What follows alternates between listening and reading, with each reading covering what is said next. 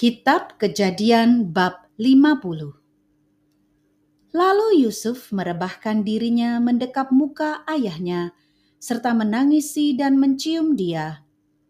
Dan Yusuf memerintahkan kepada tabib-tabib, yaitu hamba-hambanya, untuk merempah-rempahi mayit ayahnya.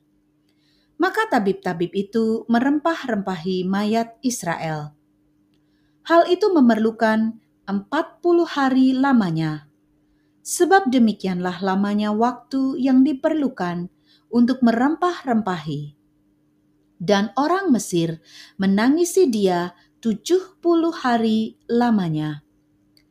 Setelah lewat hari-hari penangisan itu, berkatalah Yusuf kepada seisi istana Firaun, "Jika kiranya aku mendapat kasihmu, katakanlah kepada Firaun bahwa ayahku telah menyuruh aku bersumpah," katanya. "Tidak lama lagi aku akan mati dalam kuburku yang telah kugali di tanah Kanaan." di situlah kau kuburkan aku.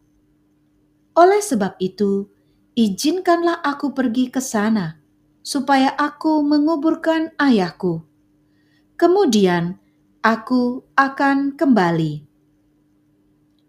Lalu berkatalah Firaun, "Pergilah ke sana dan kuburkanlah ayahmu itu, seperti yang telah disuruhnya engkau bersumpah." Lalu berjalanlah Yusuf ke sana untuk menguburkan ayahnya.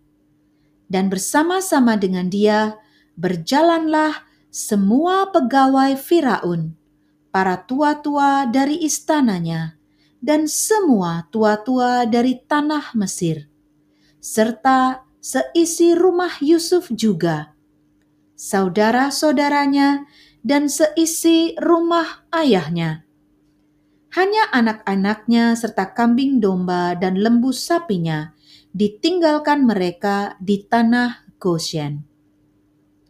Baik kereta maupun orang-orang berkuda turut pergi ke sana bersama-sama dengan dia, sehingga iring-iringan itu sangat besar.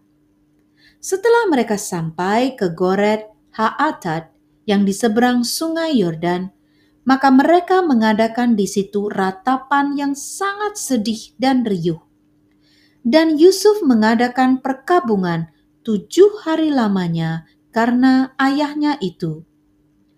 Ketika penduduk negeri itu, orang-orang Kanaan, melihat perkabungan di Goren Haatat itu, berkatalah mereka, Inilah perkabungan orang Mesir yang amat riuh Itulah sebabnya tempat itu dinamai Abel Mizraim, yang letaknya di seberang Yordan.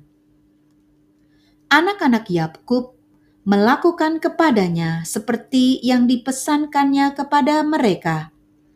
Anak-anaknya mengangkut dia ke tanah Kanaan, dan mereka menguburkan dia dalam gua di ladang Mahpela yang telah dibeli Abraham dari Efron orang Het itu untuk menjadi kuburan milik, yaitu ladang yang di sebelah timur Mamre.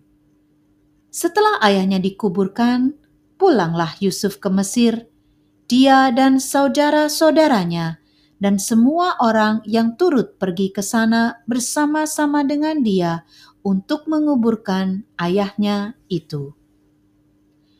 Yusuf menghiburkan hati saudara-saudaranya. Ketika saudara-saudara Yusuf melihat bahwa ayah mereka telah mati, berkatalah mereka, "Boleh jadi Yusuf akan mendendam kita dan membalaskan sepenuhnya kepada kita segala kejahatan yang telah kita lakukan kepadanya." Sebab itu, mereka menyuruh menyampaikan pesan ini kepada Yusuf.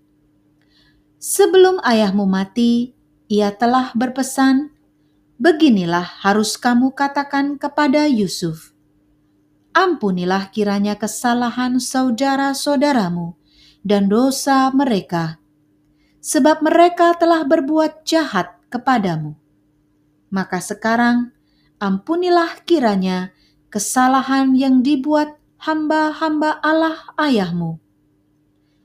Lalu menangislah Yusuf ketika orang berkata demikian kepadanya. Juga saudara-saudaranya datang sendiri dan sujud di depannya serta berkata, "Kami datang untuk menjadi budakmu." Tetapi Yusuf berkata kepada mereka, "Janganlah takut, sebab aku inikah pengganti Allah? Memang kamu telah mereka-rekakan yang jahat terhadap aku, tetapi Allah telah mereka-rekakannya untuk kebaikan dengan maksud melakukan seperti yang terjadi sekarang ini, yakni memelihara hidup suatu bangsa yang besar. Jadi janganlah takut, aku akan menanggung makananmu dan makan anak-anakmu juga. Demikianlah yang menghiburkan mereka dan menenangkan hati mereka dengan perkataannya. Yusuf meninggal. Adapun Yusuf, ia tetap tinggal di Mesir beserta kaum keluarganya. Dan Yusuf hidup 110 tahun.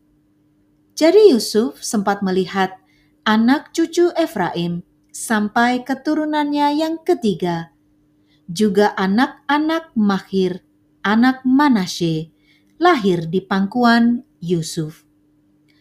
Berkatalah Yusuf kepada saudara-saudaranya, "Tidak lama lagi aku akan mati. Tentu Allah akan memperhatikan kamu dan membawa kamu keluar dari negeri ini ke negeri yang telah dijanjikannya dengan sumpah kepada Abraham, Ishak, dan Yakub Lalu Yusuf menyuruh anak-anak Israel bersumpah. Katanya, "Tentu Allah akan memperhatikan kamu. Pada waktu itu, kamu harus membawa tulang-tulangku dari sini."